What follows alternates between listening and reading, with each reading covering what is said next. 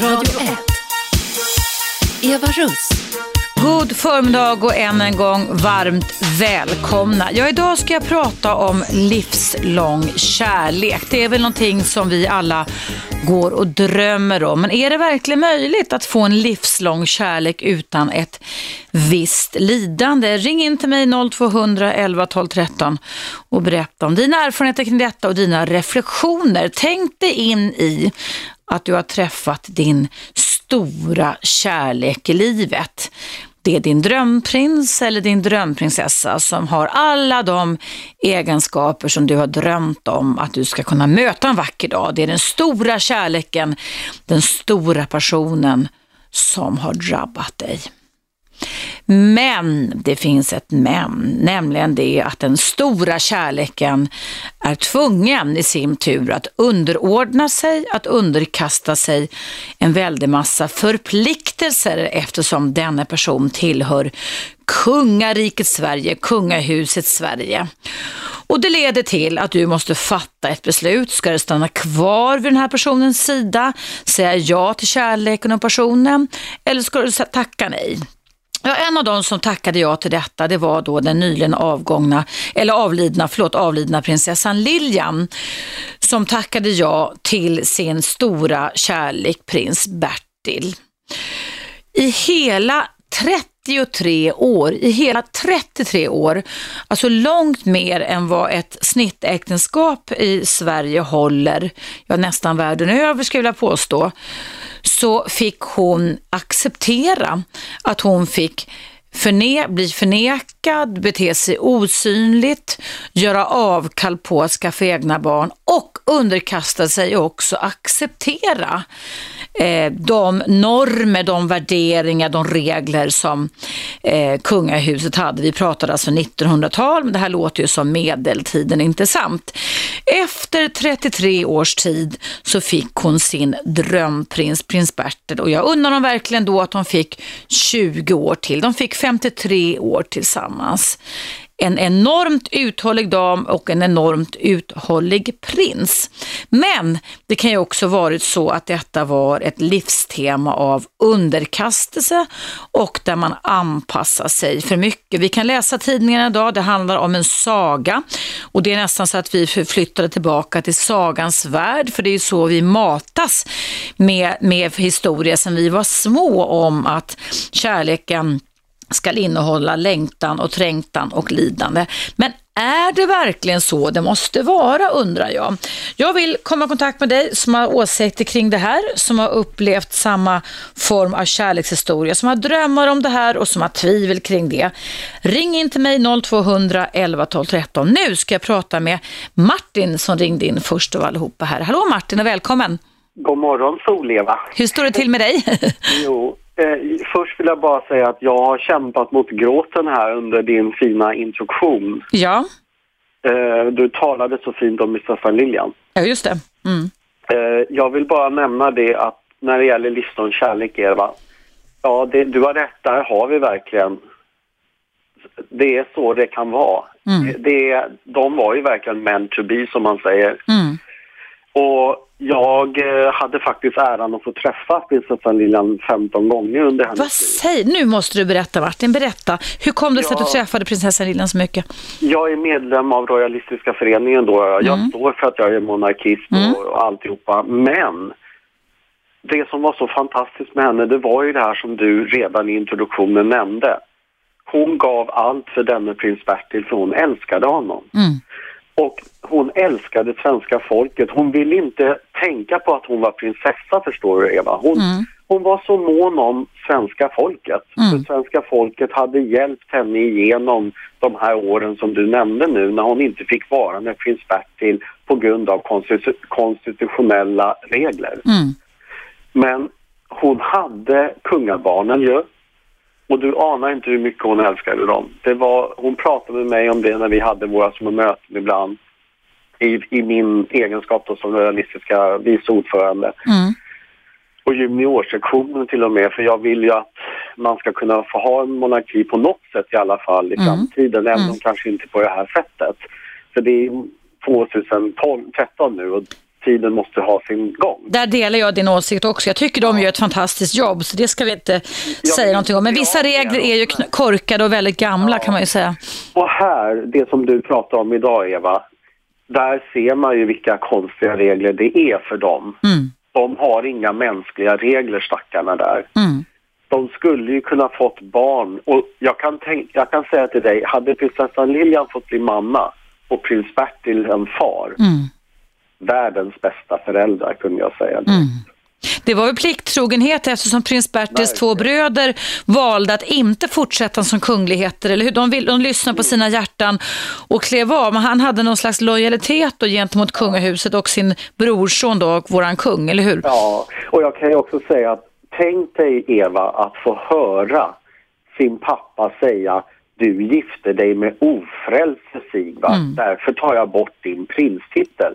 Det är, måste ju vara hemskt för Mm. Sigvard och Karl Johan att behöva höra sin fader säga så. Ja. Men det värsta var ju att det inte är pappans fel, det är ju reglernas fel. Ja. Och när då prins Bertil såg vad som hände, att hans bröder gifte sig för kärleks skull, då kunde ju inte han göra någonting mot sin pappa i första hand, för han ville ju inte spotta sin pappa i ansiktet. Mm. Han ville heller inte spotta Sverige i ansiktet. Han var, älskade ju Sverige. Mm. Men när då prinsessan Lilian kom som en vind in i hans liv och ja, precis som jag sa till henne en gång, you must have knocked him off his feet. Oh I did Martin, I did. Och jag menar hon var ju sådär prinsessan Lilian att jag har sett den där ketchupflaskan man har pratat om under dagarna här. Du anar inte vad den såg rolig ut. Det var en ketchupflaska med Heinz på. Men det var ju inte ketchup i utan det var ju såna här stänger då i tyg och allt vad det. Ja. Men jag kan avsluta med att säga så här, kära Eva. Mm. Vet du vad jag gjorde igår söndag? Nej, Jag var ute på Haga, på begravningsplatsen. det var det. Mm. Det var stormigt, det var vindigt, det var kyla i luften. Mm. Och jag hade fått tillstånd till och med utav begravningsplatschefen. Mm. Så vad gjorde jag? Jo, jag ställde mig vid graven bland alla människor för det var så vackert där igår Eva. Det var fullt med folk. De till och med förlängde öppettiden med två timmar. Fantastiskt. Och sen ställde jag mig framför graven. Det, de hade grä- grävt en grav i denna kyla så att säga. Ja. Nej, nej, Och täckt det är över, eller? Det är som en krypta kan man väl Okej, säga. för jag gick och tänkte just på det, Eh, hur du- Sten, med stenväggar och ner till ett eh, golv då nere i jorden. Mm. Så det, det, det går att begrava även om det är isande, bistande Ja. Sverige. Men jag, jag ställde mig där förstår du och jag gjorde alltså Unforgettable sjöng jag för prinsessan Lilian och prins Bertil a cappella. Nej. Och när jag gjorde det, kära Eva och Radio 1 lyssnare, Mm. solen gassade. Solen närmade sig graven och var så varm så kylan kändes inte på mina kinder när jag sjöng. Och jag är övertygad om att prins Bertil och prinsessan Lilian i sin himmel, de hörde nog det. Mm. För det blev så varmt vid graven som det inte var innan. Och jag gjorde denna hyllning för jag ville visa de två. Nu har ni varandra igen. Kärlekens cirkel är knuten. Och kära prinsessan Lilian och prins Bertil sa jag till och med. Ta hand om varandra. Ni har gett Svea rike så mycket. Och mig som adopterad har prinsessan Lilian nämligen sagt Martin, tvivla aldrig på att ni som är utlandsfödda, ni behövs här. Mm. Jag kom från England till Svea rike. Svearna tog emot mig med öppna armar. Vi behövs, men man ska vara rädd om Svea rike och tjäna det så bra man kan. Och jag hoppas att jag kan göra det. Vad tycker du Martin? Och det var ju svårt att svara på den frågan. Mm. För hon gav ju allt Mm. för Svea rike. Så den här sången till henne igår, det var ett tecken på att jag ville visa det som du ska prata om idag. Mm. Kärleken Eva, den övervinner allt. Den överbygger allt och den ger människan frid och glädje. Mm. det gör det verkligen. Fantastiskt fint av dig att du ringde in först av alla Martin och satte liksom eh, stämningen och bilden här tillsammans med mig. Vad underbart detta var. Jag, jag hade tankar på att gå till Hagaparken igår men, men blev fångad av... Är det tips då? Mm. De har öppet 13 till 16 idag, Eva. De har det, ja. ja. Och det är väl där om man går ifrån där vid tennisplanen, eller hur? Så ja, ja. fortsätter man den här gångstiden så ligger det upp till höger, eller hur? Visst gör det så? det brukar vara avstängt där annars.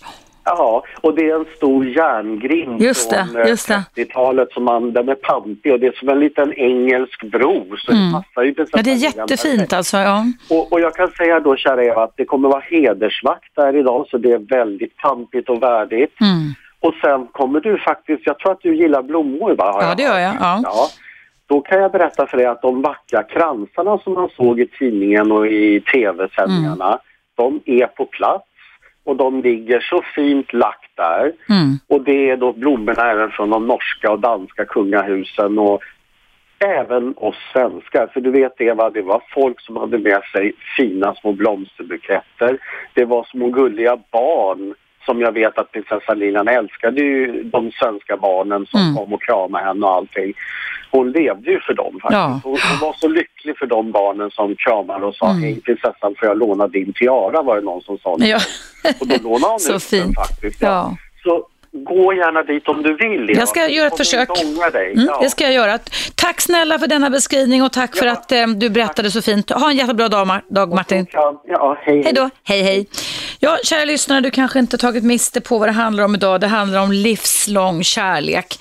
Innehåller den ett visst lidande? Är det så att det måste vara så? Kanske du som lyssnar just nu har fått göra samma avkall som prinsessan Lilian fick göra. Har du upplevt att du fått vänta länge, kanske till och med för länge på din älskade? Vad fick det för konsekvenser för dig och ert liv i sådana fall då? Ring in till mig och berätta 0200 11 12 13. Jag heter Eva Russ och du lyssnar på Radio 1 ända fram till klockan 12. Här idag jag i direktsänd radio. Vi hörs efter pausen så kommer här.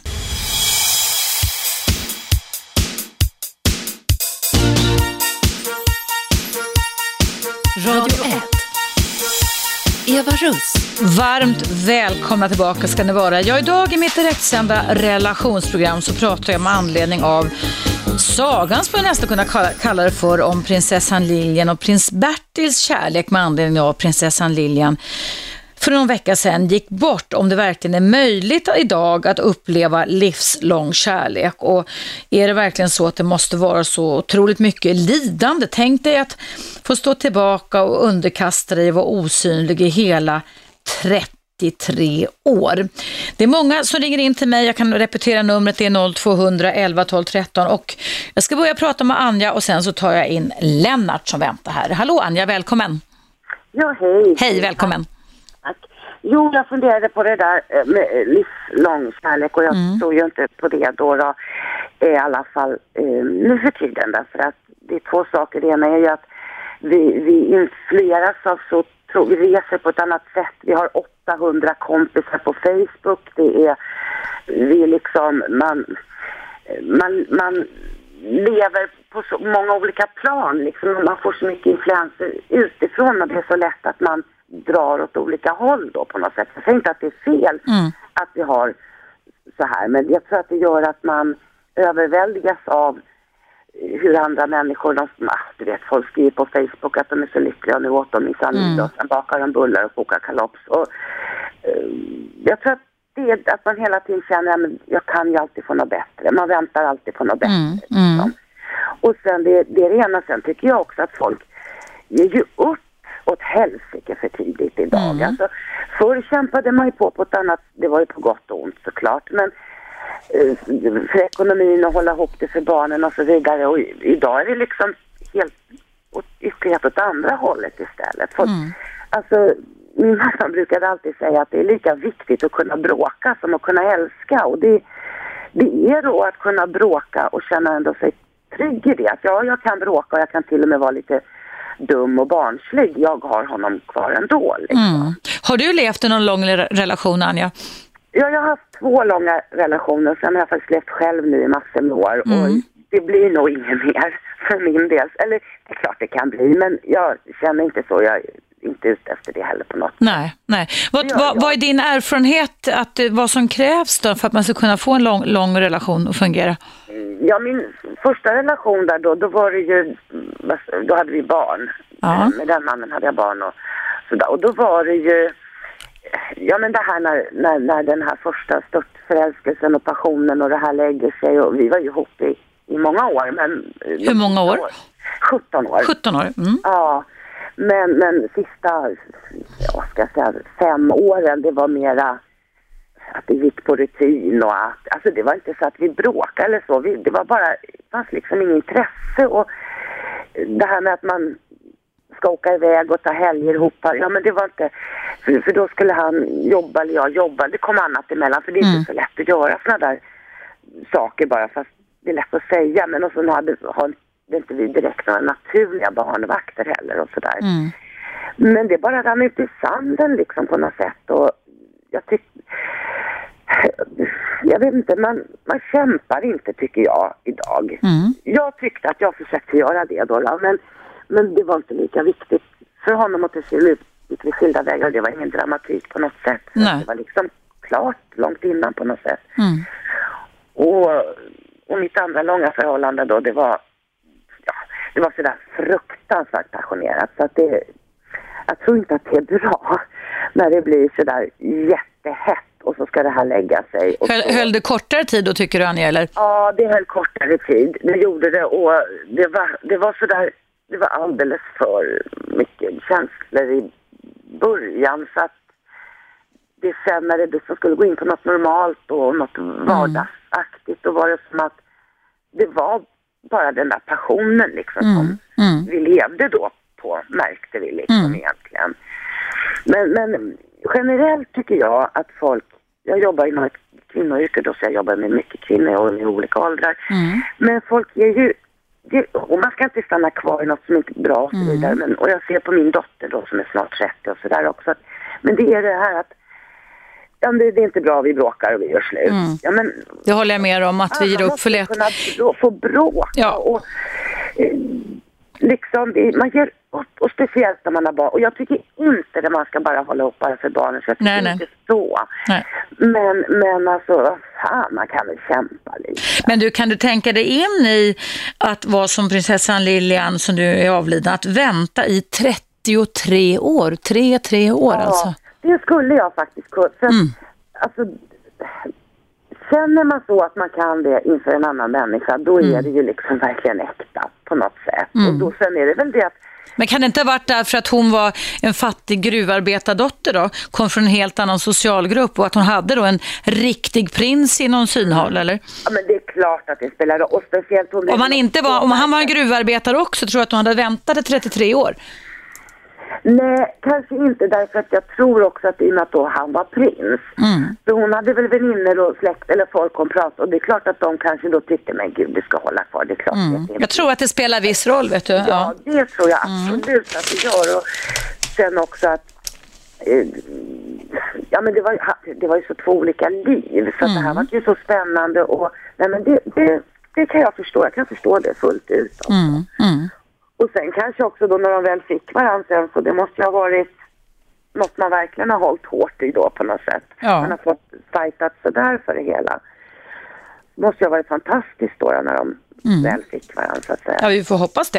I alla fall Ja, att det var så, eller ja. hur? Verkligen. Nej, men de verkade, jag har inga, det verkar vara ett fint gammalt par och, och hon var, verkade en fin gammal dag. Men jag bara tänker alltså, är kärlekens pris så stort det här att ge avkall på barn och allting sånt? Nej, nu förstår jag inte det riktigt när du sa det där förut. För att vadå, det är väl ingen som kan tvinga henne att inte föda barn? Det där förstod jag. Nej, men det gick ju inte inom kungahuset i och med att prins Bertil tog på sig rollen av att överleva till dess att våran kung blev torr bakom öronen som sagt och skaffade egen familj. Så eh, gick det liksom inte, men frågan är om det inte hade gått ändå. Alltså förstår du, nu, nu är det för sent. Det är klart att det är klart att det hade gått. Hade det, ju gått. Det, Det var hade- föreställningar man var fångad i som blev till livstema. Nej, jag tänker utifrån en psykoterapeuts synvinkel lite så att säga. Alltså hon, det är ett enormt offer. Sen Ja. vet naturligtvis ingen av oss hur, otro, om hon, hur barnlängtande hon var. Det stod att de, var, att de tog upp det väldigt ofta, att de var väldigt ledsna över det. Mm. Ja, alltså det, det är ju fruktansvärt. Det är det ju. Och, och egentligen så kan man ju tycka då att om han hade verkligen bara tittat till hennes bästa så kanske han hade kunnat säga att nu struntar vi där, vill du ha ett barn så ska vi ha ett barn. Fast då hade han väl varit tvungen att abdikera antagligen Ja. då? Ja. Ja men precis, men då är det ju på något sätt... Vilket är viktigast, pengarna eller kärleken? Ja, Positionen eller kärleken? Ja. Precis, för det handlar ju liksom inte om att, att de ska utvisas. Alltså det handlar ju liksom bara om, om det. De hade ju överlevt och klarat sig ändå så att säga. Mm. Och eh, så det tror jag nog, det var nog en enorm sorg och speciellt för henne. Det tror jag var värre för henne, det tror jag. Mm. ja. Okej. var, det var väl viktigt. Men framförallt skulle jag bara vilja säga det att Mm. fan man inte ska Sverige också. Men jag tycker folk ger upp för lätt. Jag tycker det. Och jag Ja. tycker att liksom vid minsta första bråk så ska man slänga ringarna och, och det, drama. Man måste kunna bråka och man ska vara trygg med det. Håller helt och hållet med dig. Mm. Ja, Håller att helt och hållet med dig. Och ha fula dagar när man är tjock och fet och ful och Mm. allt. Och känna trygghet i det liksom. Mm. Och sen att, att eh, för jag, och det här med att gifta, det där är också sådär svårt för, för att man gifter sig då, de här som, många som har gift sig tre och fyra gånger Mm. och så vidare. Man har stått och lovat, nu säger ju inte alla så men... men Nej, men det är nöd och lust ändå. Ja, visst. Ja, precis. Mm. Och det, det blir så, ja jag tycker det är så knäppt. Ja, ja men framförallt tycker jag att man gör upp, man gör upp för fort Mm. idag. Och det har att göra med också tror jag att, att, att eh, man får så lätt kontakt, man, man behöver inte vara rädd. Utbudet är större än, eh, ja precis, så att vi har möjlighet, vi kan bli lite fartblinda där och bli lite Ja. relationsshoppare. Precis, precis. Därför att det, och det hör jag många yngre tjejer på jobb och sådär prata om att träffa någon kille och de är visserligen kära och han verkar toppen och så men det, tänk om det kommer något bättre då. Just det, liksom. just det. Gräset är alltid grönare tror man. Ja, ja. Okej, Det tack. tycker jag är Ja. Ja, mm. Tack för dina reflektioner Anja. Tusen tack och tack för att du lyssnade på mig på Radio 1. Hej då. ja tack. tack. Hej. Jag ska säga till Lennart du får lov att vänta över pausen som kommer här nu. Det är nämligen så att det är dags för en nyhetsuppdatering på Radio 1. Jag heter Eva Rust, det är direktsänd relationsradio och idag vill jag prata med dig om livslång kärlek. Är det så att den måste innehålla ett visst lidande och hur mycket ska man göra avkall på sig själv? Kanske du som lyssnar nu har fått göra det under en längre period, precis som prinsessan Lilian fick göra i hela 33 år. Måste vara ganska unikt, men det kanske finns lyssnare här ute som kan berätta era stories eller era mormödrars eller farmödrars och så vidare kärlekshistoria om livslång kärlek. Ring i sådana fall även i pausen in till mig. Numret är 0200 11 12 13. Vi hörs efter pausen på Radio 1 som kommer här.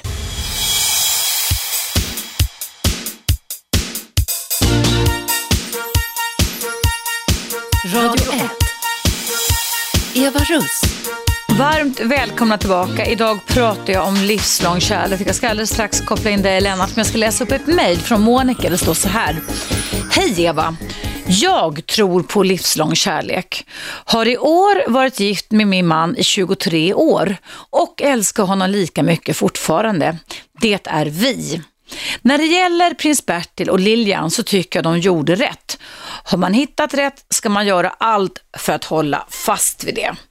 Tack ska du ha Monica för dina åsikter kring detta. Nu ska vi höra vad Lennart har för åsikter. Hallå Lennart, Ja, hej. beklagar att du fick vänta så Det länge. gör ingenting. Jag, jag sysselsätter mig med annat under tiden. Vet Ja. Jag är rätt flexibel. Jag läser Blaskan under tiden så lyssnar med ett halvt öra på den tidigare inringaren. Ja, Nåväl, eh, jag tänker på det här med prins Bertil och sagan med Lilian då. Och, eh, det, det är nämligen så att eh, det finns en... Eh, Karl Gerhard har skrivit en kuplett.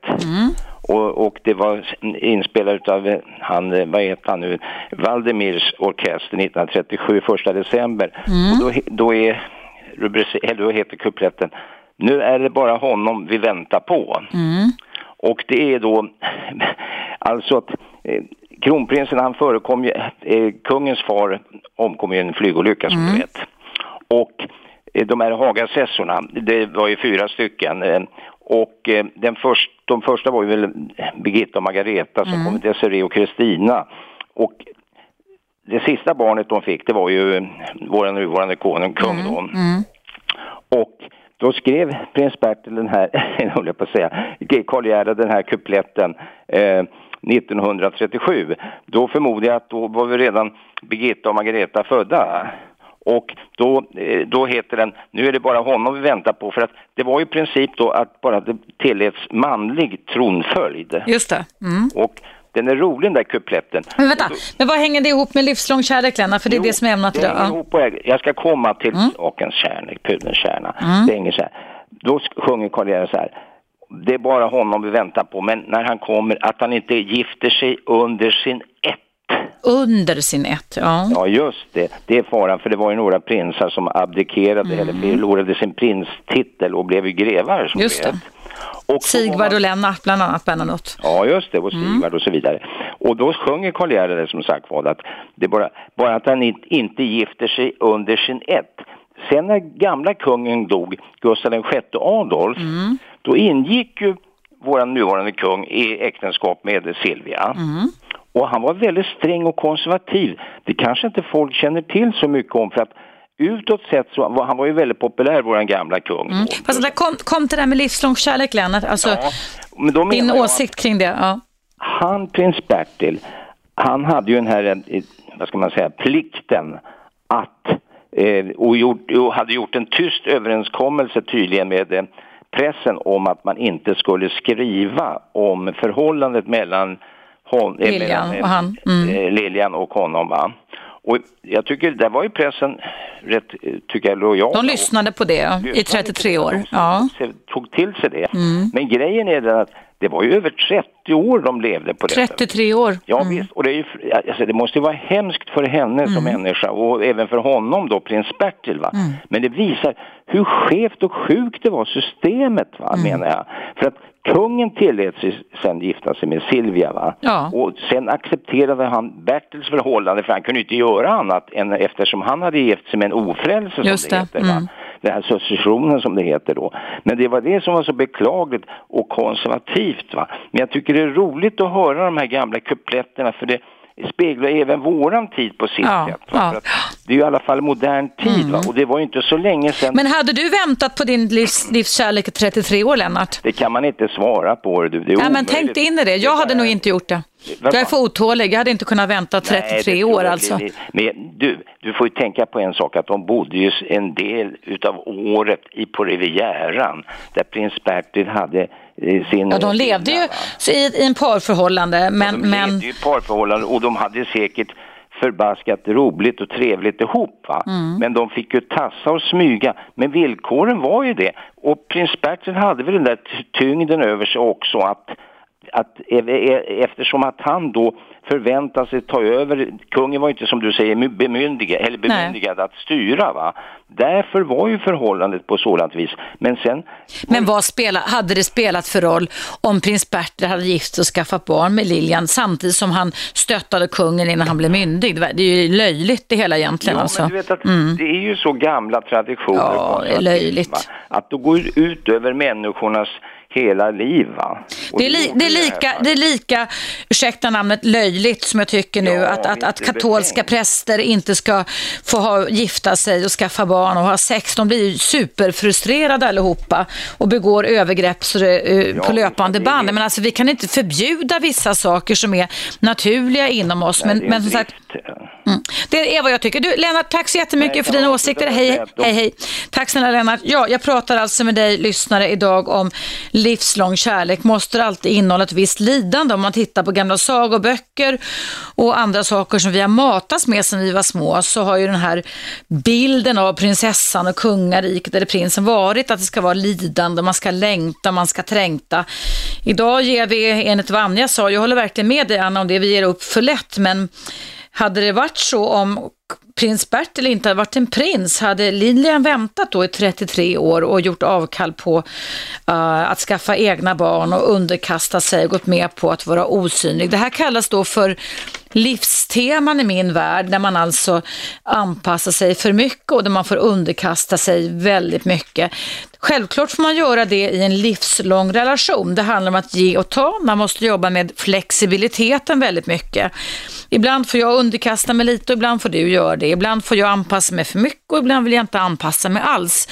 Så säger man också i en av världens största parundersökningar där paren levde och där Sverige ingick. Det var över 600 par som ingick för några år sedan och där eh, det var, eh, paren hade levt i mer än 40 år tillsammans. Alltså det är typ prinsessan Lilian och prinsessan eh, prins Bertil, prinsessan Lilian prins Bertil. Och där pratar man då om att man frågade vad är det som har gjort eh, att ni har fått friskfaktorer, det kallas då i min värld för salutogena faktorer. Alltså vad är det som har bidragit till att ni kunde hålla ihop så länge?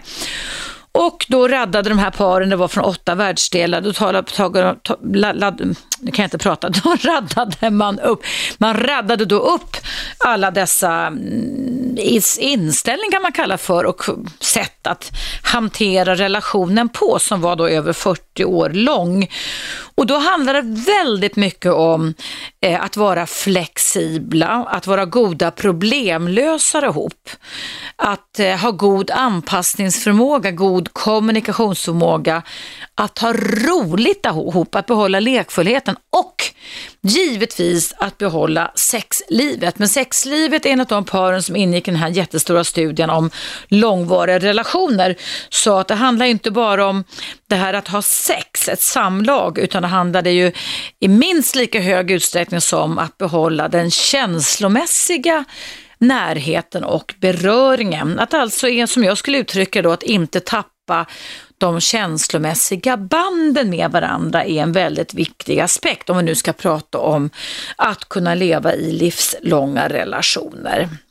Vad väcker dagens ämne för tankar och känslor hos dig? Vad har du varit med om kring en livslång relation på gott och på ont? Vi lever ju väldigt länge idag. Vi pratar ju om att vi blir snart allihopa här snart 100 år gamla. Är det realistiskt att vi kan leva i en livslång relation då? Eller är det så att vi ska leva kanske i relationer som är 18-20 år långa med tanke på att det kanske parbildningen egentligen handlade om att skydda våra barn från att gå under ute på den moderna savannen. Vad har du för erfarenhet av det här? Har du levt och vänt bredvid en partner och väntat likt prins Lilian på den stora ultimata kärleken i många års tid? Ja, jag vill komma i kontakt kontakt med er som har egna erfarenheter och reflektioner kring det här. Numret är 0200 11 12 13. Det är dags för en liten paus. Jag ser att det ringer här, lägg inte på. Vi hörs efter pausen som kommer här.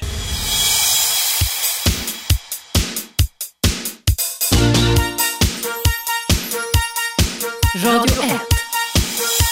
Eva Russ. Välkomna tillbaka. Ja, att vi ger upp alldeles för lätt i våra parrelationer. Den åsikten delar jag med Anja som ringde in här i första timmen. Men är det verkligen rimligt att man ska underkasta sig, känna sig utplånad, osynlig i hela 33 år för att uppnå lyckan av den stora kärleken. Jag har inga åsikter kring prinsessan Lilian och prins Bertil. Jag tycker att de verkade vara ett fint par som efter 33 år fick varandra. Men eh, ja, kan man leva så här länge och vänta på varandra och vad är det som behövs när man ska få till en livslång relation? Har du erfarenheter av det? Ring in till mig 0200 11 12 13. Jag ska börja prata med Karim som ringde in i pausen. Hallå Karim! Ja, hej. Välkommen, hej! Jo, angående den här livslånga mm. alltså, relationen. Jag har sett i, i länderna i Asien, mm. uh, det är ofta förekommer de här uh, livslånga um, relationer. Det, det beror inte på inte någonting eh, på kärlek eller någonting sånt. Uh, är det inte kärleksbaserat menar du? Nej, nej, nej det är inte kärleksbaserat. Nej. Det, det, är ofta det, det är eh, alltså, tvingat av samhället nästan kan man säga så. Mm. Uh, jag har sett massor med eh, människor, när särskilt när mannen dog, då kvinnan blev jätteglada och sen eh, de levde eh, Eh, mycket längre faktiskt. Eftersom då, då, då blev det så att Alltså den tiden de hade ihop med mannen, kanske 30-40 år, ja. den tiden de kände sig nästan fängslad. Var det resonemangsäktenskap vi pratar om då, Karim? Eller? Ursäkta? Var det resonemangsäktenskap vi pratar ja, om? Det, det, Tänker det, du på det nu eller? Ja, det äktenskapet som, som förekommer i, i asiatiska länder, i, uh, till exempel i Pakistan, Indien eller i Arab, det, det är resonemangsäktenskap, ja. Ja, just det. Mm. Och sen ofta det mannen, mannen då, då till tidigare också, och ofta. Och så kvinnan lever lite längre i dem. Ja. Och då är det när mannen dör, Då kvinnan blir jätteglada faktiskt efter ett tag. I första, i först sörjer de. Och det visar sig att man, man, man inte som mannen mycket. Sen efter kanske några månader ser man att de blir så glada. Och sen de lever så länge också. Det, det, det De jag- firar friheten av att ens Ja, partner sedan friheten. 30-40 år har gått bort. Ja. Ja, då de, de tyckte, jag pratade med det, vissa av dem och Mm. de tyckte att de 30-40 åren, de har eh, alltså, va- varit nästan fängslade också. Mm. De hade inga friheter och de tyckte och de kunde alltså tagit skilsmässa av mannen mycket, mycket tidigare än mannen dog. Mm. Då hade de fått eh, mycket bättre liv faktiskt. Mm. Så, mm, och sen, eh, man kan inte, alltså de där kungafamiljer och sådana, Mm. de också liknande sättet att de är eh, tvingade på alltså hålla äktenskapet igång. Mm. Det beror på att annars blir det jätteproblem med, eh, med eftersom eh, de kungafamiljerna ofta är det före de är för andra i, i länderna. Mm. alltså. Och sen om kungafamiljer gör någonting och så sneddistrikt eller så, det brukar inte accepteras av samhället. Men det har ju skett så enligt beskrivningarna i boken Den ofrivilliga monarken så har ju verkligen inte våran kungafamilj, alltså kungen varit förebild för svenska folket.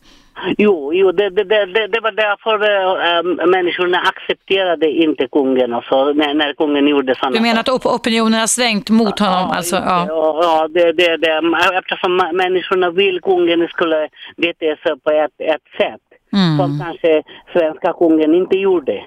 Så, Men är det inte problem överhuvudtaget att vi matas fortfarande med väldigt mycket arketyper, alltså massa stenåldersmässiga förebilder om hur nå- någonting ska vara? Ja, det, det är det vanliga människor beter på det sättet. Mm. Men, äh, vi har alltså, utvecklat så mycket teknikalt, Ja. tekniskt sett.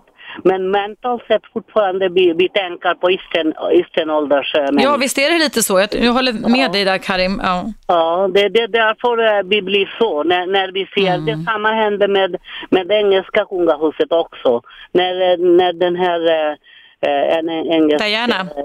kung som ville gifta sig med en, en divorskvinna Mm. Skilsmässokvinna, då accepterade inte statsminister där, alltså premiärminister. Mm. Då blev det han, han måste abdike, abdikeras också. Mm. Ja, Edward menar du med Mrs Si- Simpson, ja just det. Ja, Ja. just det. Då, då, då, mm, ja, och sen det samma hände med Bertil också. eh, Alltså, Mm. Ja, och sen ser vi ju, vad- eftersom tiderna går framåt, att det här går visst alldeles utmärkt att blanda upp det så kallade blåa blodet med vanligt blod. Jag menar, ett bra exempel tycker jag verkligen är kronprinsessan Victoria med Daniel. Jag tycker de är ett fantastiskt fint par som representerar Sverige och verkar leva ett bra och vettigt liv med bra värderingar och normer. Ja, just det. Det, det, det berodde på att svenskarna har blivit lite klokare sen. Mm. Och det är därför också den engelska fa- kungafamiljen också gör liknande saker. nu. Ja. De ser att eh, alltså, världen förändrats. Alltså. Ja. Så om de vill eh, alltså, behålla monarken då måste man eh, alltså, alltså acceptera den här eh, Mm. utvecklingen. Annars blir det problem för dem också. De Ja, ja. behålla monarken annars. ja. Men du får fråga en sak Karim, vilket land härstammar du ifrån? Jag, jag vill inte säga, jag, jag känner mig som globalt. Okej. Det är Men jag bara tänkte att där du, där du kommer ifrån, eh, även om du vill säga landet, är det vanligt där att, att man idkar resonemangsäktenskap?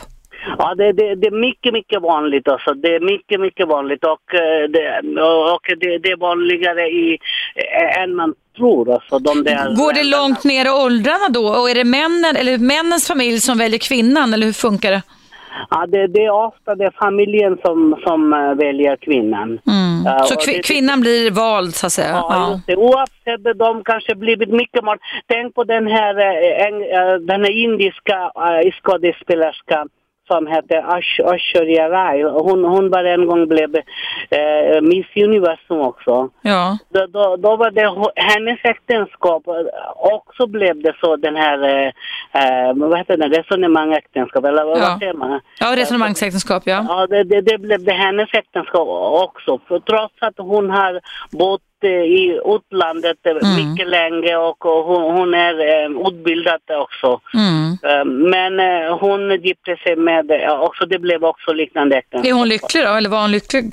Ja, de, de, visar sig, måste bara de visar sig lyckliga. Ja. För, för jag har en kollega för länge, länge sedan eh, som eh, kommer från Indien som i modern tid alltså bad föräldrarna, fast han bodde i västvärlden, att välja ut en fru åt honom.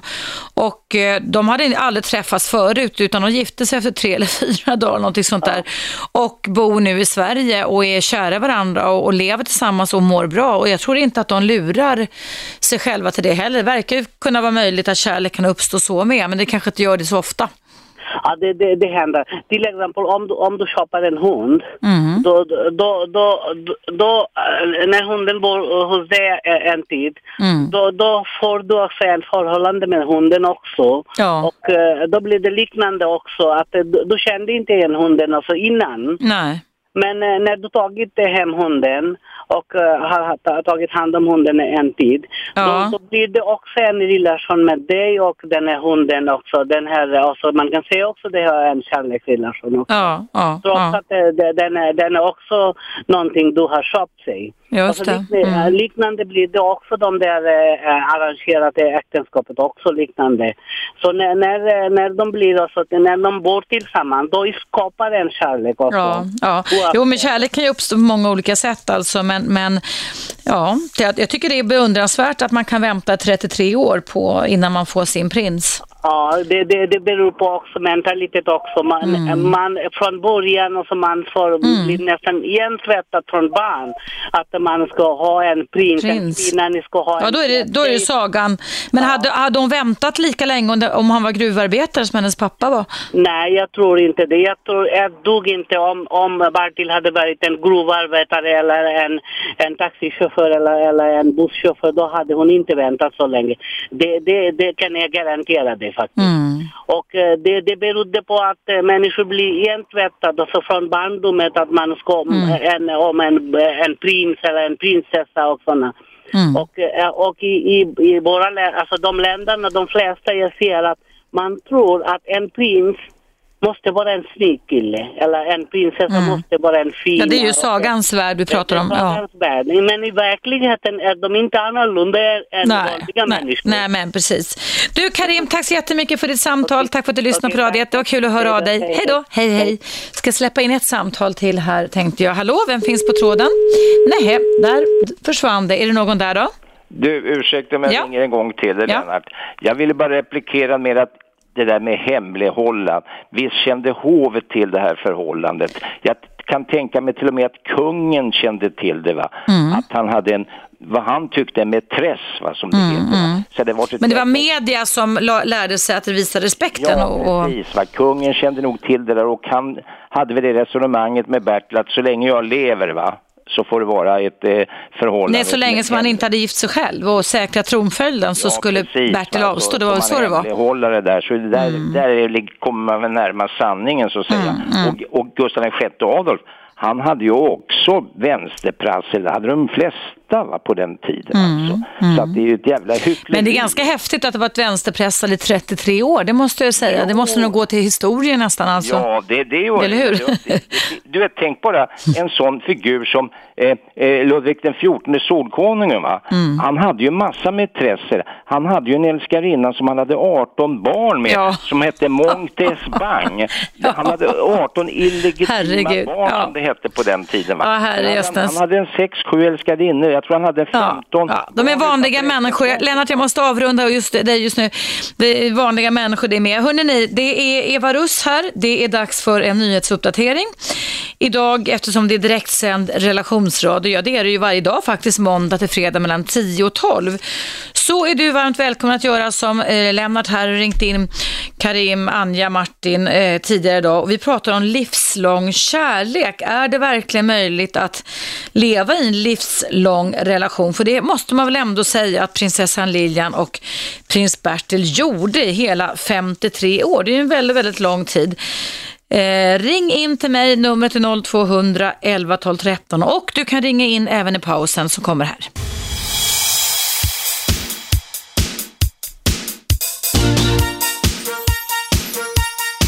Radio 1. Eva Russ.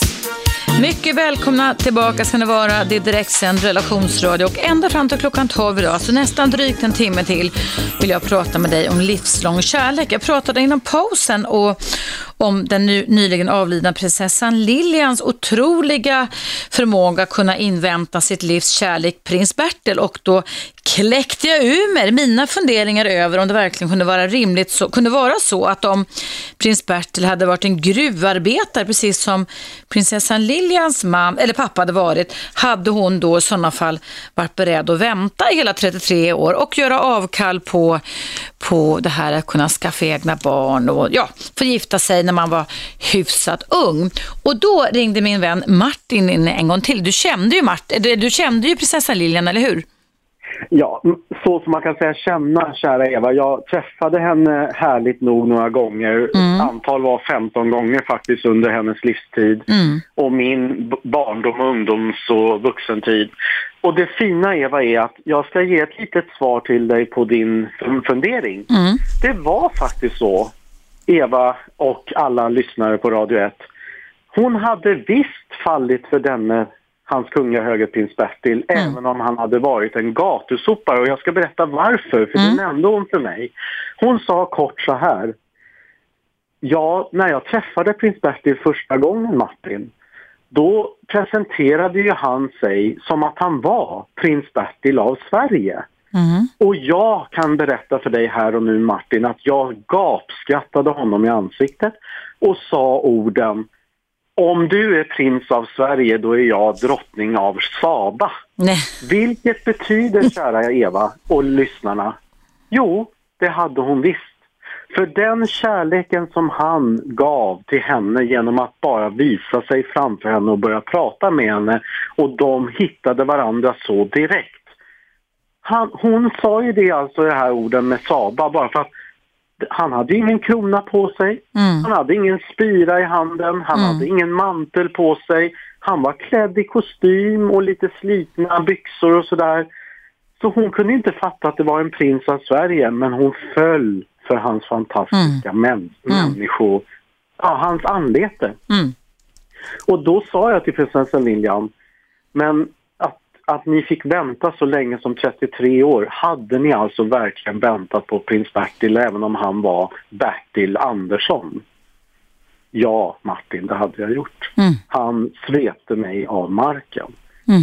Och när han sen berättade då igen flera gånger tills jag förstod att jag hade med en prins av Sverige att göra.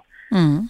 Då var det ju så att då var jag redan så förälskad och så lycklig Martin så jag ville följa honom tills vi kunde få vara de vi sen blev. Mm.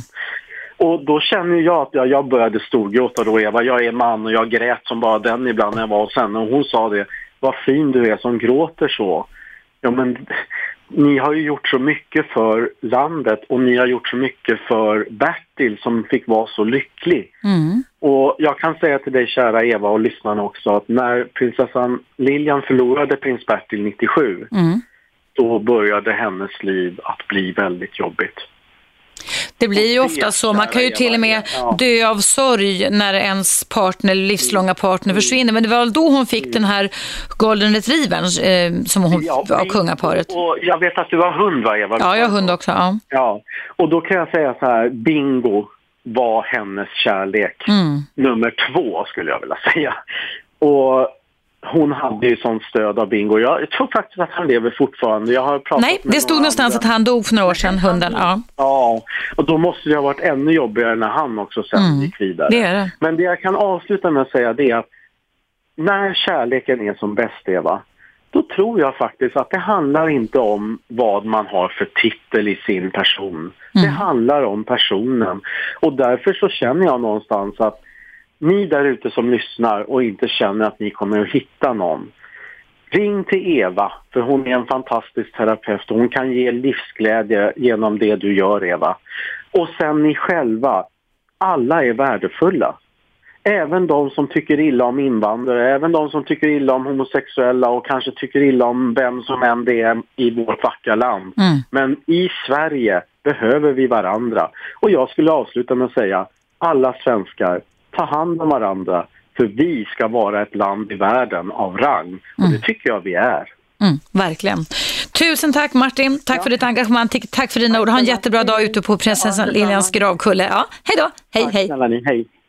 Ja, eh, ni, jag pratar idag om livslång kärlek. Jag skulle tro att när vi träffar våran första, kanske stora och omtumlande kärlek, kanske är vi i 20-årsåldern, någonting sånt där, vi kan vara yngre, vi kan vara lite äldre, så tror jag nog att vi alla drömmer om och vi ser framför oss att det här ska räcka livet ut. Jag tror att vi ser den här målningen, där vi, den här ålderstrappan, att vi liksom vandrar uppåt på kullen och att vi håller varandra i handen och att vi vandrar neråt på kullen mot döden så småningom, som ju då är ofrånkomligt inslag i livet. Och en del i livet är ju att en del i livets väg, så att säga, det är ju också att vi lever fullt ut. Hur många är beredda att vänta i 33 år på att man ska få sin älskade. Jag tror själv att jag hade, men det är jag det, varit lite för otålig för att vänta på det här själv. Jag härstammar från Dalarna där man säger jag kan själv, där man gör saker själv. Jag hade nog inte pallat, men i en av mina relationer har jag väntat på Godot och det blev inget mer än det. Det var lite tra tragiskt för min del för några år sedan och synd, men det var också en lärdom att ibland kan man ju vänta på något som inte blir något. Men prinsessan Lilian hon väntade på något som blev något och jag hoppas innerligt må hennes frid, må hon få fridfullt liv här nu och jag hoppas verkligen att det var värt det här. Att få underkasta sig, anpassa sig, stå tillbaka till, vara osynlig och inte få realisera alla de drömmar man haft. Jag kan till exempel med min inlevelseförmåga som psykolog och psykoterapeut, som jag träffat många par genom åren som diskuterar den här smärtan över när kvinnan börjar närma sig 40-årsåldern, om man ska skaffa sig ett tredje barn eller inte. Det är många som har problem kring detta och det kan nästan bli liksom en spricka i relationen fast man kanske redan har två barn redan, eller tre barn också, men om man ska skaffa sig ett sista barn innan det är för sent. Och jag vet, eftersom jag har lyssnat på sådana här samtal, att det är oerhört traumatiskt för faktiskt kvinnan, fast hon har fött flera barn redan, om hon då upplever det sig som att hon får ge efter för sin biologiska önskan. Och då har hon ju redan fått dem ett, ett antal barn som kanske då mannen tycker räcker.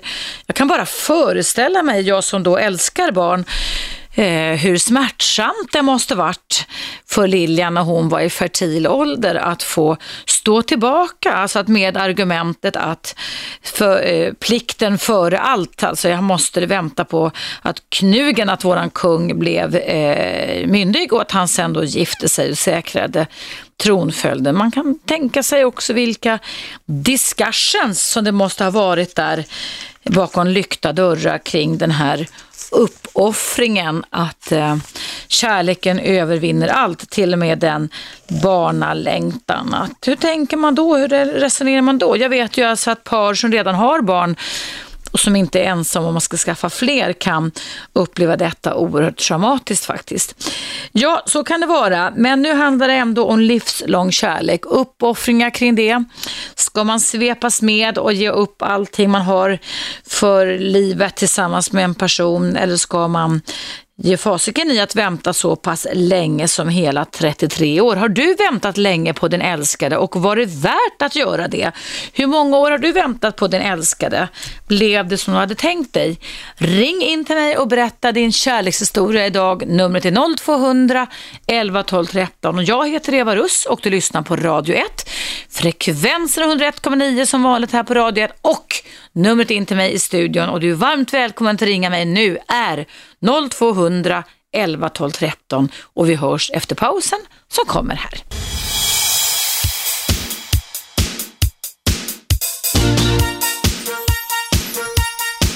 Radio 1. Eva Russ. Varmt välkomna tillbaka ska ni vara. Idag pratar jag om livslång kärlek. Har du upplevt det? Vad gjorde du för att den skulle kunna bli sådär livslång? Detta med anledning av att vi nu har tagit del av att prinsessan Lilian gick bort i en ålder nästan 97 år gammal för någon vecka sedan. Och där har det skrivits spaltmeter på spaltmeter om den passionerade kärlekssagan och historien med prins Bertel där de fick vänta på varandra innan de kunde knyta hymens band i hela 33 år. Det krävs ju otroligt mycket tilltro till varandra och förtroenden och tillit för att man ska välja, tänker jag då, att vilja vänta i hela 30 33 års tid. Eh, bland våra vänner djuren så kan vi ju se, eller vet vi, känner vi till att några som också brukar knyta hymens band bara en enda gång i livet, det är våra vänner svanorna. Svanarna, de har bara en enda partner livet ut och det är ganska hjärtskärande när man på vårkanten eller höstkanten kan se herr eller fru svan guppa ute på fjärden för sig själva. Eh, där uppenbarligen då den ena halvan har gått åt på något sätt. Det är nästan så att svanarna också dör av sorg eftersom de har någon slags inbetingning till att när de väl har valt en partner så håller de fast vid den partnern livet ut. Och visst är det en härlig bild, nog är det väl det som vi alla siktar emot när vi träffar en partner. Vare sig det är homo eller heterosexuella relationer så har vi nog alla föreställningen om att det här ska räcka länge. Jag tror ju inte att det är någon som står där framme, vare sig man gifter sig eller inte, eller väljer att flytta ihop i alla fall, eller förlova sig och tänker så här, nej det här ska nog bara hålla i 8-9 år, för det är ungefär snitttiden för människor, moderna människor idag att leva ihop. Utan jag tror nog att vi alla har den här drömmen om den här livslånga kärleken, att vi verkligen ska stå där tillsammans och bli gråa tillsammans och vandra på stranden hand i hand och kanske dela gravens boning med varandra också. Någonstans har vi den bilden, men någonstans så verkar vi inte vara så uthålliga. Och det var väl någonting som då prinsessan Lilian och prins Bertil verkligen var. De var väl extremt uthålliga och ja, kärleken är ju ett shit i många människors liv. Jag roade mig med att skriva en av mina böcker för fyra år sedan som heter Relationskoden, där jag då intervjuade väldigt många människor som hade levt i långa relationer och där kunde jag sen då utmejsla sex stycken koder som jag anser, liksom, eller som jag fick fram i alla fall, som skulle kunna vara tecken på det här att man ska kunna få en livslång relation. Och den första koden eh, som dök upp då, den kallar jag då för sökkoden. Sökkoden. För det visar sig i all forskning och i all empirisk erfarenhet, alltså praktisk erfarenhet hos människor som har levt länge ihop, att det här att man alltid måste se till att man är väldigt nyfikna på varandra, att man aldrig lägger ner det systemet. Det har sen visat sig inom färsk hjärnvetenskap att när vi är nyfikna, intresserade och liksom sniffar oss fram och aldrig tar varandra för givna så optimerar det faktiskt en slags uppåttjackhormon i hjärnan som heter dopamin. Och det är också dopaminduschar som leder till att vi blir sådär passionerat förälskade i varandra. Så sökkoden är den första koden i min bok då relationskoden, att aldrig sluta att vara nyfikna och intresserade och intensivt deltagande i varandras liv, alltså aldrig ta varandra för givna. Det var den första av de sex koderna för en livslång relation som jag kunde drista mig till utifrån erfarenhet och forskning. Sen handlar det givetvis om att vårda de känslomässiga banden, att aldrig ge upp relationsbanden. Det handlar om ögonkontakt, det handlar om närhet, det handlar om att inte tappa varandra ur sikte. Jag anser till exempel idag att väldigt många moderna unga par jobbar alldeles för mycket, är ute och jagar på den moderna savannen för mycket parallellt med varandra, nästan konkurrerar med varandra och det är då därför inte ett dugg konstigt att relationerna brakar. Man har tappat varandra ur sikte, man ser inte röken av varandra längre. Då är det inte så konstigt om relationerna går sönder, går i kras. Sen handlar det som kod nummer tre i min bok, relationskoden, det handlar om att upprätthålla ett bra sexliv. Det visar också flera stora undersökningar världen över, alltså longitudinella undersökningar, att vårda sexlivet. Men då handlar det inte om att bara ha sex pang på sex, det kan man ha ibland, men det handlar om att vidmakthålla förtrolighet, känslomässig närhet, att beröra varandra fysiskt, att ge varandra beröring eftersom det utlöser mys-pys-hormonet eh, oxytocin som kittar ihop relationen också. Dopaminet gör att vi blir passionerade och oxytocinet gör att vi vill stanna hos varandra en längre period. Så när man slutar att beröra varandra och slutar att ha sex så är det lite fara och färd. Det visar faktiskt all forskning. Om i alla fall det är så att du siktar mot en livslång relation. Det var den tredje koden då som jag tagit upp i min bok, relationskoden. Sen den fjärde, det handlar givetvis om det här som kom med evolutionen, nämligen våran språkförmåga, att kunna förmedla insikter och avsikter. Att inte sluta kommunicera med varandra utan att ständigt vara uppdaterade på och fortsätta att vara nyfikna på varandra och förmedla sina insikter och avsikter och inte ta varandra för givna eller ägna sig åt för mycket tankeläsning är oerhört viktigt. Men också förstå att vi kan kommunicera på olika sätt om vi är man eller kvinna som lever ihop. Och då kan det vara bra att förstå att det finns vissa genetiska skillnader som man kan ta hänsyn till. Eh, kod nummer fem, det handlar om teamet. Man är ju ett team tillsammans när man går, ingår en parrelation och där handlar det faktiskt om att se sig själva som ett team där man emellanåt får avlösa varandra. Man måste vara flexibla och anpassningsbara och det är mina erfarenheter i man jobbat med 17 landslag inom idrotten, så måste man framför allt vårda de goda känslorna. Man kan aldrig bli ett vinnande team om man inte har kul ihop. Därför är det här med lekfullhet, att ha skoj, att vara barnsliga, en oerhört viktig aspekt om man ska leva tillsammans livet ut. Och den sjätte koden som jag har tagit upp i min bok, det handlar om att vara attraktiva, kroppar, dofter och attraktioner. Att liksom se till att man vårdar attraktionsförmågan, att man vårdar sina beteenden. För ni valde ju en gång varandra också för att ni upplevde från er subjektiva point of view att ni var attraktiva för varandra. Jag tror inte att någon av er tänkte när ni hade träffat varandra efter ett tag och valt varandra att från och med nu tänker jag bete mig som en hösäck resten av mitt liv. Jag tror faktiskt inte det. Där är det ju lite intressant faktiskt. Det finns alltså kuriosa eh, kring våran genetik. Att fortfarande så har vi människor, håll i det nu, 40 procent gener som är gemensamma med potatisen. Mm. Kanske för mycket chips däremellan också, jag vet inte. Nu ska vi se vem det är som är inringare idag. Hallå, vem är på tråden? Hallå, vem är på tråden? Hallå, finns det någon där? Nej, då var det tre stycken som försvann där. Så kan det se ut ibland. Ibland har man tur i livet och på Radio 1 ibland inte. Ring in igen du, så är ni som ringde nyss, 0200 11 12 13. Eftersom jag pratar om livslång kärlek. Så mina koder då i relationskoden går utifrån hur par som har levt länge tillsammans verkligen har vårdat sin relation. Och det är en jätteviktig aspekt att ni kan aldrig ta varandra för givna. För från den dagen när ni tar varandra för givna alldeles för mycket och för ofta, då är det fara och färde i dina parrelationer. Nu ska vi se om jag kan få tag på någon inringare. Hallå, finns det någon där? Hej! Hej! Inger igen. Ja, jag hör det på tråden. Hur är det med dig då, idag? Jo, det är sådär. Vet, vet du, du har så rätt i allt du säger. Men kan inte du tala om också det är väldigt svårt. Alltså jag är över 60 år. Mm. Oj, min radio. Vad heter det?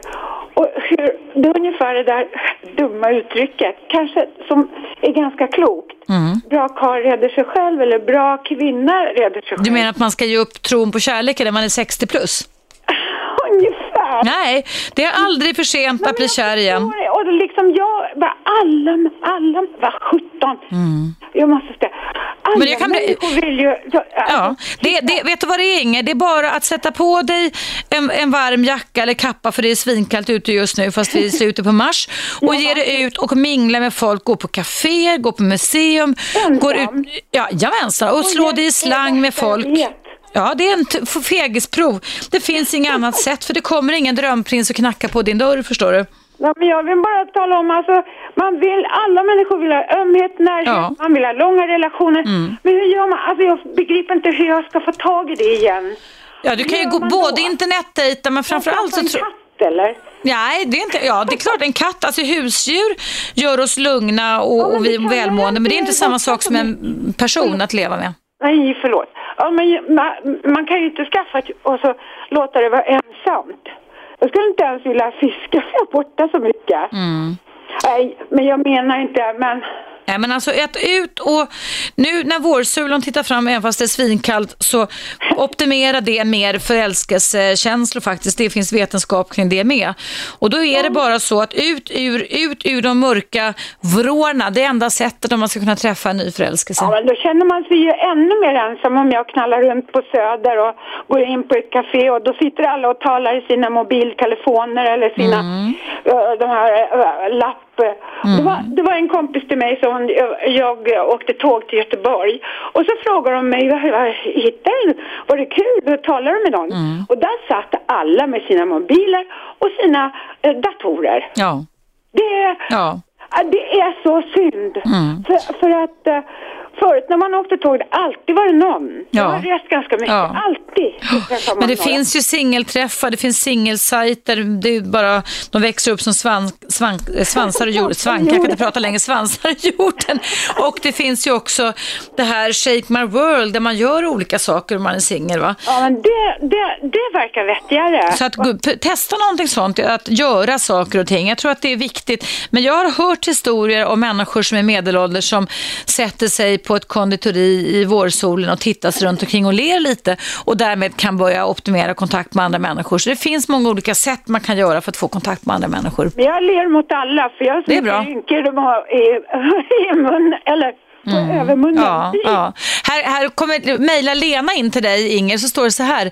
Hälsa Inger att min mamma gifte sig när hon blev 70 år. Så kärleken är evig även om objekten varierar. Tack Lena, det var väl härligt att höra Det Inger. var väl gulligt. Det var jättegulligt. Ja, men hälsa tillbaka. Ja, hälsa tillbaka. Och säg jag ska försöka. Jag fyller 63 nu. Ja, ut, Okej. ut och försök, ut ur de onda cirklarna.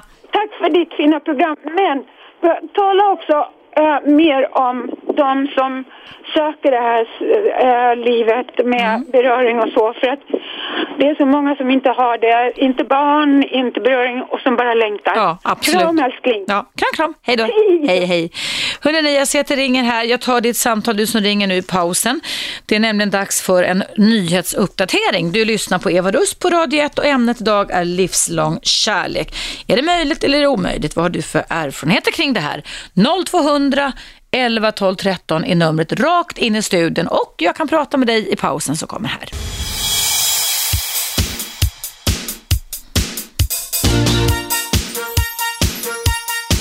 Radio 1. Eva Russ. Välkomna tillbaka. Idag pratar jag om livslång kärlek. Är det verkligen möjligt att vi kan skapa oss det? Och då har Kajsa ringt in här. Nej, men vad är det som låter här? Ska vi se. Hallå Kajsa? Nej, men. Nu händer någonting konstigt. Kajsa, ring en gång till. Jag har aldrig hört såna här piptoner eh, här inne på Radio 1. 0200 11 12 13.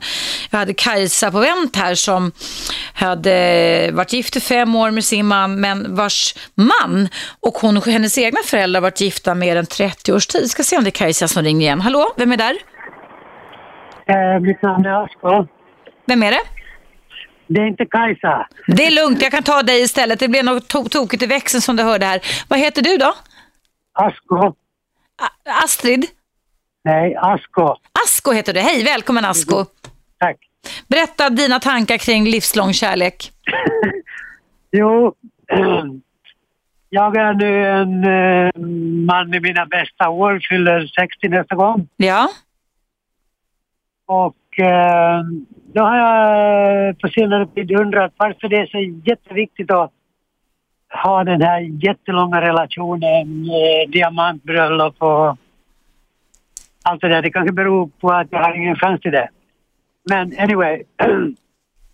Jag har försökt eh, fundera på en livsfilosofi att man kan visst eh, byta partner eh, eller vara tillsammans med en person så länge det känns okej. Mm. Må- Båda mår bra. Mm. När man ser att nu finns det inget kul med det här förhållandet, då kan man kanske gå vidare. Mm. Och, och på sätt och vis är ju det okej. Om man tänker det så här att man har en partner, många kanske tänker jo men det är väl, det är väl jättekul då att man har någon när man blir gammal som ska ta hand om en. Mm. Och det är väl det värsta tänksättet som överhuvudtaget finns. Om man ska ha den inställningen menar att, att man, man håller ihop för man ska bli, slippa vara ensam. Ja, slippa vara ensam, det, det är väl inte nödvändigt i dagens samhälle. Det finns Mm. kanske ålderdomshem, det är ju jättemånga där, Mm. olika slags människor som man kan eh, umgås med och Ja. sådär. Men att man ska vara med varandra, att, att den andra ska ta hand om mig Mm. när jag blir gammal, när jag inte kan borsta tänderna eller göra det ena och det andra. Mm. Det, det är väl... Den bilden verkar inte så attraktiv för dig i alla fall, Asko. Nej, definitivt inte. Nej. Hur, hur, lång, hur länge har din längsta relation varit, Asko?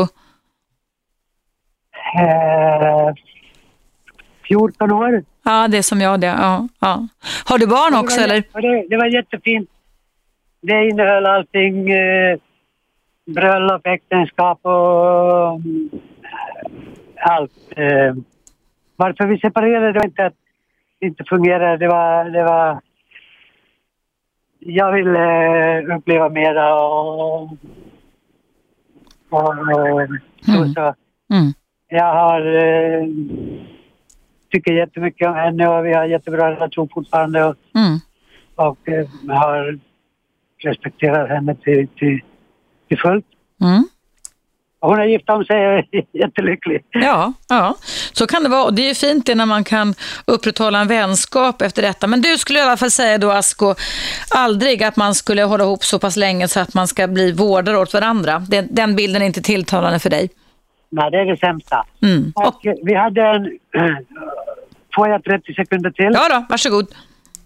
Ehm, I mina hemtrakter fanns det en gammal eh, smugglare som, var, som blev en typ av legend. Och det pratades mycket till och med hur mycket kaffe han drack blev en, ett samtalsämne. Och så frågade man honom, jaha Valfrid, hur många koppar kaffe har du druckit idag? Mm. Så sa han, nej, jag brukar inte räkna dem, jag dricker så länge det smakar gott. Mm. Och det kan man också ha i förhållanden och istället för att räkna dem, utan man är så länge det smakar bra. Ja, eller hur, så kan man hålla ihop. Ja, visst. Det var en fin metafor. Tack så jättemycket Asko för att du ringde in och tack för att du lyssnade på Radio 1. Okej, tack. Hej då, hej, hej. Tack, hej. Ja, jag pratar alltså idag om livslång kärlek. Är det möjligt att upprätthålla det? Nu ska vi se vem som finns på tråden. Nej. Finns det någon där? Ja, hejsan Kajsa. Nej men vad fint, tack. Det blev ju något fel där i växeln. Jag beklagar detta.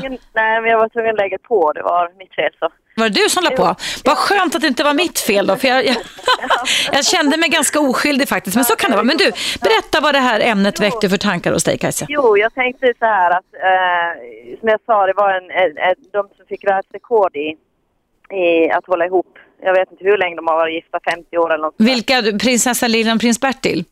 Ja, nej, jag vet inte vad det var. Fem, det var 53 år. I alla fall, ja. Och då sa de så här att, eh, att eh, ja, de svarade på varför de hade hållit ihop så länge. Mm. Eh, och då svarade de så här att jo, men vi levde i en tid där man fixade grejer, inte kastade bort det. Mm. Eh, och jag tyckte det var ganska bra sagt. För att jag, jag märker att när jag pratar med andra i min ålder, nu har jag varit gift bara fem år som sagt. Mm. Men när jag pratar med, med andra i min ålder så är det väldigt mycket den här attityden att ja men vi vet ju inte om vi kommer hålla ihop. Mm. Alltså, man, man går in i ett äktenskap med en tanke att ja men man vet ju aldrig. Eh, Mm. Medan jag är så här att för mig finns det inte på världskartan Nej. att jag ska ha någon annan. Nej. Alltså jag, jag, jag är inte ens intresserad av tanken. Alltså jag, jag tänker inte ens i de, de banor. Nej. För mig är det helt... Jag ska vara gift med Jörgen hela mitt liv. Ja. Alltså jag, jag, så är det bara. Det, Ja. det finns inget annat. Du, hur länge har era föräldrar varit gifta med varandra då, Kajsa? Ja, 30... Mina föräldrar var väl 33 år kanske eller något sånt Ja. där. Min, min mans föräldrar också samma. Tycker du att de verkar vara lyckliga tillsammans? Ja, absolut. Verkligen. Hur märker du det? hur jag märker det. Alltså hur, de, hur de är tillsammans, hur de pratar om varandra, hur de kramas, hur de... Alltså allt. Hela deras liv, hur de, hur, ja, hur de är. Ja. Eh, och vad de säger, alltså de säger det också. Att, Ja. vi är lyckliga, vi, vi är kära i varandra till- fortfarande och, och så vidare. Och, så vidare. Ja. och jag, jag tyck, tänkte på den här förra inringaren att, att, liksom, att det inte ska vara så viktigt med, med långa relationer. Men för mig är det också lite så här att om mina föräldrar skulle skilja sig idag, Mm. även om jag är vuxen, så skulle det påverka mig oerhört mycket. Mm. För att det påverkar inte bara mig, det påverkar mina barn. Mm. De skulle ju få skilda, alltså det skulle bli, alltså hela, eh, alltså det påverkar inte bara en själv. Det Mm. påverkar ju liksom andra också. Så jag, jag känner lite så här när han säger så här att jo men det var inte det att det inte fungerade, det var bara att, ja. Då känner jag lite så här, ja men, ja men varför skiljer man sig då? Ja. på ett sätt. Alltså, ehm, för, alltså blir det lite egoistiskt. Alltså jag, jag vill inte liksom kasta sten på någon, det är inte så, men, men jag känner lite grann att man, ja, man behöver liksom kanske fixa grejer istället för att bara gå isär. Ja, jag håller helt och hållet med dig Kajsa det. Ja. Andras del, Ja. för barnens del, barnbarnens del. Mm. Men det är också för er egen del med att få en del i ett sammanhang. Men då, det finns ju också studier Kajsa som visar att de barn som sen blir vuxna, som har haft föräldrar som har hållit ihop, då tenderar man att hålla mer ihop i sin nuvarande vuxenrelation än de som kommer från Ja. skilsmässofamiljer va? Mm. Precis, exakt. Och det är det jag vill fram till. Att, Mm. att det påverkar så oerhört många fler än bara en själv. Alltså man, man kan inte, om man är förälder så kan man inte tänka bara på sig själv. Nej. Man måste tänka på sina barn. Och, och mina, min mans föräldrar, de var faktiskt separerade ett tag. Ja. Ehm, men kom ihop igen och, eh, och är fortfarande gifta som sagt. Och, och de säger ju själva liksom att, att eh, ja, bara den här tanken att de inte skulle få uppleva barnbarn tillsammans. Att de inte skulle få liksom ge barnbarnen liksom Ja, sina, sina mor och farföräldrar, Mm. att de är gifta och så vidare. Och, så vidare. och nu är de ju, alltså de är lyckliga Ja. idag. De fixade det. Ja. Alltså ja. de, de, ja, de reparerade det Ja. som var fel. Jag kom på det att jag har ju mina egna föräldrar som faktiskt i år firar alltså 58-årig bröllopsdag. Ja. 58-årig. Nu har mamma fått Alzheimer och, och pappa är gammal och skröplig. Han fyller 85 snart. Men han går och pratar om det att ja, jag och Gun-Britt, vi har varit snart gifta 60 år så. Och jag tror, jag tror inte det är rätt som han säger att det inte är så viktigt med långa parrelationer. För jag tror att vi är, alltså, ja, man vet ju, du har ju, har du gått igenom en skilsmässa Ja. Ja, att man vet ju hur ont det måste Ja, vara. det gör det. Det gör väldigt ont. Mm. Ja, och det, det visar ju att det är inte så det ska vara. Nej. Nej, vi pallar inte det så, så lätt som vi rent tankemässigt tror att skilja oss. Fi- Men du, Kajsa, tack så jättemycket för att du var så uthållig och ringde upp en gång till. Det var hyggligt av dig. Ja. Och tack för att du lyssnade på Radio 1. Hej då! Ja, hej. Hej, hej. Ja, jag ser att det ringer många här. Jag kommer ta era samtal i pausen, för nu är det nämligen dags för en liten reklamtrudelutt här på Radio 1. Jag heter Eva Russ och jag pratar idag om livslånga relationer. Numret är 0200 11 12 13.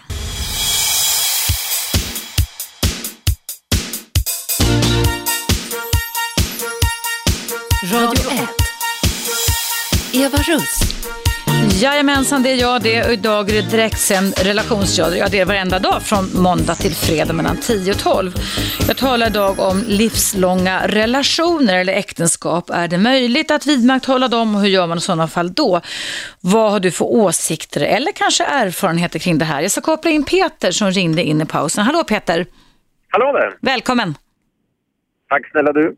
Nej, Man kan ju titta lite olika på det här med eh, livslånga relationer. Jag hade ju eller jag själv varit tillsammans med eh, samma tjej från det jag var 19. Jag är 51 år idag. Men Det är långa, det är 32 år det nästan. Ja. ja, det är ganska långa. Men vi skilde oss faktiskt för lite drygt två och ett halvt år sedan. Mm. Eh, och eh, var superbästisar men sista fem, sex åren. Alltså man gled isär varandra barnen blev äldre. Att inte något riktigt sånt här. Vad ska man göra nu när barnen flyttar hemifrån och så Mm. vidare. Mm. Och, eh, vi jobbade faktiskt ganska aktivt med det här under säkert en fem, sex års period men vi fick det inte till att funka. Alltså, vi har aldrig bråkat under alla de här åren vi har varit tillsammans.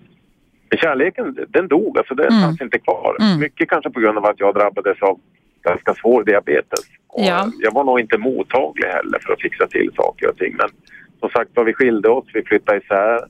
Ehm, vi hade en, eh, en uppdelning då, eh, både ekonomiskt och allting. I och med att jag tjänade betydligt mer än vad hon gjorde så tog jag liksom över allting som fanns att betala så hon skulle få flytta då till eget hem i lugn och ro. Ja. Hon byggde upp ett hem, jag byggde upp ett hem och ehm, nu för lite drygt ett år sedan tillbaka så är vi faktiskt tillsammans igen. Nej men vad roligt. Vilken fantastisk historia. Berätta vad, det- vad som gjorde skillnad då Peter. Att återförenas efter över 30 år ihop. Ja, skillnaden var nog helt enkelt det att eh, jag kanske sökte någonting som jag trodde fanns där ute. Alltså jag, jag var ganska missnöjd med, ja, framförallt för att jag, jag var ganska dålig i och med att jag hade gått med obehandlad diabetes under rätt många år. Och Ja, det förstår jag. Såg, jag såg nog kanske inte allting som hon gjorde för att lappa ihop förhållandet. Mm. Utan man, man var mer inne i sig själv, att man tyckte lite synd om sig själv. Så. Men sen när vi hade varit isär då, och vi började träffas igen, alltså vi träffades nästan ingenting. Under- Träffade ni andra då istället eller? Nej, vi gjorde inte det. Nej. Eh, utan det var mer det här att jag tror att jag var tvungen att landa i mitt och hon kanske landa i det som hade hänt mig då. Ja. Eh, men sen när vi träffades, det började för ja, julen 2011. Firade vi julafton tillsammans med barnen. Och sen blev det att vi träffades ytterligare igen. Och nu bor vi faktiskt på varsitt håll, men vi är tillsammans igen. Och ni är formellt skilda kan man säga Peter. Ja, vi är ju det. Men Ja. eh, jag, jag ska försöka lura henne till ett, eh, ett nytt giftermål. Vad underbart. till, Men- till Rom här till midsommar. Men, men, det nej, går men att vad, komma vad, tillbaka. fan, vad fan. Men du, är det inte ganska skönt? Alltså, ni har ju liksom följt varandra nästan som tonåringar kan man säga då, eller hur? När ni var så pass Ja, unga. ju gjort det. Alltså jag, jag började ju lära känna henne redan när jag var 13-14 år. För då spelade jag hockey med Luleå Hockey och hon tävlade i, i konståkning då på den tiden. Mm. Så vi har ju känt varandra under en väldigt lång period. Men jag tror att det var mer den här, äh, rent utav saknaden av varandra. Man saknar inte kon förrän båset är tomt. Ja, ja. Vi, vi tycker verkligen om varandra genuint. Och, Har det gått att få igång lite av den här gamla passionerade kärleken och känslan igen med, nu när har haft en distans Peter, du och din före detta fru? ja men det är ju det här som är så fantastiskt. Det är ju förbannat som när vi träffades när vi var 20 igen. Nej, vad härligt. Ja, men det är helt sjukt. Alltså det, man, man tror inte att det är möjligt. Och ibland så nyper jag mig i armen lite grann och tänker, vad fasken. Och så är det här verkligen på riktigt. Eh, men det är faktiskt så. Vi har hittat tillbaka som, eh, ja, lite grann där vi var när vi var kring ja, 19-20 år. Nu är barnen borta, vi fokuserar på oss själva. Vi gör alltid någonting nu när vi träffas på helgerna eller om det är under vardagarna. Mm. Gå på teater eller vi åker in och käkar gott på någon restaurang. Eller, alltså vi, vi tar hand om oss själva nu mer. Mm. Och det har vi kanske inte gjort under 15-20 års tid utan då har det bara varit barnen som har varit fokus. Precis, det blir ju så med projekt för barnen. Men du, hur reagerar era vuxna barn på detta då? Att ni har, att ni har hittat, återupptäckt varandra igen efter så många år tillsammans? Ja, de tycker ju att det är superkul. Mm. Alltså riktigt, riktigt roligt. De får, se, de får se sin mamma och pappa åka iväg på kärlekssemestrar alltså. Ja, men det är rätt häftigt. Vi, vi var faktiskt i Rom. Vi hade ingenting att göra förra midsommar så då åkte vi till Rom tillsammans. Och det var väl där allting började glöda igen. Ja, Så att, vad eh, roligt. Ja, det känns fantastiskt roligt. Så att man ska nog inte ge upp i första taget. Nej, men man kan ju behöva ha, precis som du sa, som Kajsa sa, en viss distans. Man kan behöva lugna ner sig, coola ner sig. Och min erfarenhet, Peter, är, som har jobbat med många par, att man ska inte förhasta sig, men det, man kan gott och väl ompröva sättet som man relaterar till varandra på. Och därmed inte bara tänka det är slut, slut, slut, utan det när man är en bit ifrån varandra, för jag tror att det var det som du beskriver här Peter, det är då det händer saker, det är då man kan tänka lite klart, eller hur? Och uppskatta, det är inte alla som gör det, men ni har i alla fall gjort det, du och din före detta fru, att uppskatta varandra, som du säger, man saknar inte kon för båset är tomt. Nej, alltså, nej jag, jag håller med. för att Det var så pass mycket som jag kanske inte uppskattade hos henne medan vi var tillsammans. Utan Mm. man kom hem, man tog allting för givet.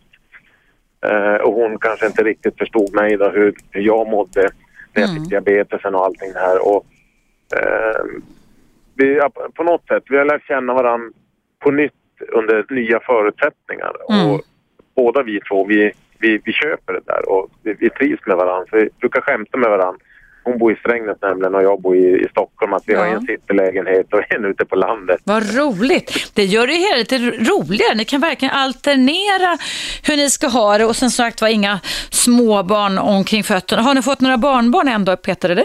Nej, vi har ju inte det tyvärr. Jag, jag, Fast det är egentligen lika bra att passa på. För det, jag kan berätta för dig att när jag, jag blev mormor när jag var 52 och ett halvt. Ja. Och då sa några väninnor till mig så här, Eva sa så här, för då hade jag min yngste son boendes hemma. Och då var det någon som sa så här, jaha, du hann inte med den här backpackperioden som man ska göra när man är vuxen. Och det stämde lite så. Alltså passa på nu, även om jag tycker det är fantastiskt att vara mormor som jag är, men njut av detta du och din fru, för sen kommer ni säkert engagera er den dagen ni får barnbarn också. Ja, det kommer vi säkert att göra. Men Mm. det, det som känns häftigt faktiskt, att det känns precis som att vi dejtar på nytt. Mm. Så varenda dejt gör vi någonting. Alltså vi gör verkligen någonting Ja. varje gång vi träffas. Det gjorde man ju inte förut. Man fick inte, man laddade inte batterierna utan de fortsatte bara vara tomma. Och så skulle man jobba igen på måndag. Mm. Är det, är det även så man tittar på attraktionsförmågan, piffar ni till lite extra mycket efter 32 år när ni ses igen och dejtar på nytt? Ja men alltså det, det är det som är lite läbbigt för det är verkligen pirr i magen. Ja. Och man gör lite spännande saker. Sexuallivet är ju grymt eh, mycket bättre. Alltså, det är precis som när man var 20 igen. Det är helt sjukt. Mm. Så att, ja, det, det känns fantastiskt roligt. Så att, eh, och jag har ju alltid levt i den här grejen att man ska aldrig skilja sig. Och vi jobbade verkligen på att inte göra det. Men den här perioden, eller den här pausen vi hade, jag, jag tror att det var bättre än vilken eh, parterapeut som helst. Hur lång tid var pausen Peter? Ja, den var lite drygt, ja, nä, nästan två år. Okej, ja. Eh, och vi behövde nog det. Så att, eh, ja, fantastiskt kul. Så Det var en väldigt fantastisk, vad generöst att du ville ringa in och bjuda på den här eh, historien, för det kan verkligen vara ett föredöme. Det kan väcka bilder och tankar för många andra våra lyssnare faktiskt som lyssnar på det här programmet.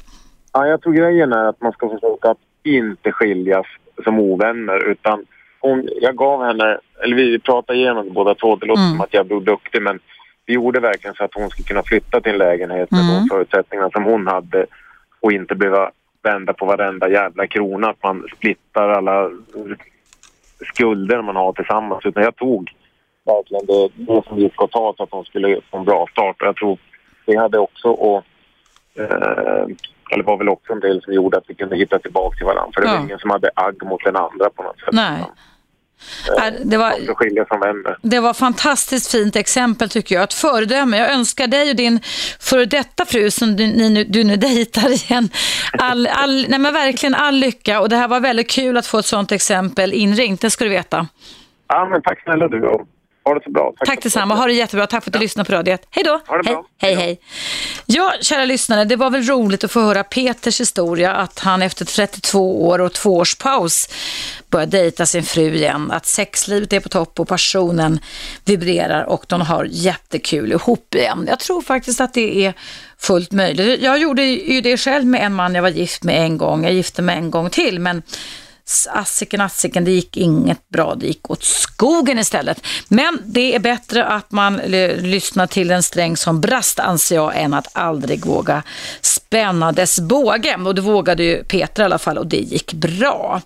Hörrni, ni, det är dags för mig att avrunda mitt program idag. Det har handlat om livslång kärlek. Eh, vill du lyssna på det här i repris så går det varje vardag klockan 19 19.00 på Radio 1 och frekvensen är 101,9. Och jag, Eva Russ, är här varje dag mellan 10 och 12 och då är det direktsänd radio. Och varje dag så är det ett nytt relationsämne som jag tar upp. Nu alldeles strax har vi ändrat tablån här på Radio 1 så nu så kommer då Aschberg in här mellan klockan 12 och 1. Eh, och Eh, jag vet inte riktigt vad programmet kommer att handla om, men någonting kommer att handla om, för Aschberg, min kollega, är ju faktiskt aldrig svarslös. Och efter klockan 13 så kommer allas vår Cissi Wallin in i en direktsändning mellan 13 och 15 och sen kommer Aschberg tillbaka mellan 15 och 18 och sen kommer Johan Kinmark som du hör i som han och är vikarie för, för Gert i Gerts värld hela veckan här på Radio 1 så kommer Johan Kinmark tillbaka med det alldeles ypperliga sportvärlden i direktsändning och vad jag hörde i morse så ska det givetvis handla om bandy idag, Bayern som tog guldet, SM-guldet i bandy. Så det är en väldigt, väldigt smockad och intressant dag du har att invänta här på Radio 1. Så jag hoppas verkligen, kära lyssnare, att du vill ha radion på och stanna kvar. Nu är det i alla fall all, all, alldeles strax dags för Aschberg och mig hör ni imorgon bitti igen klockan 10.00 igen. Tack för idag och en fortsatt trevlig dag önskar er allihopa. 101,9 Radio 1 Sveriges nya pratradio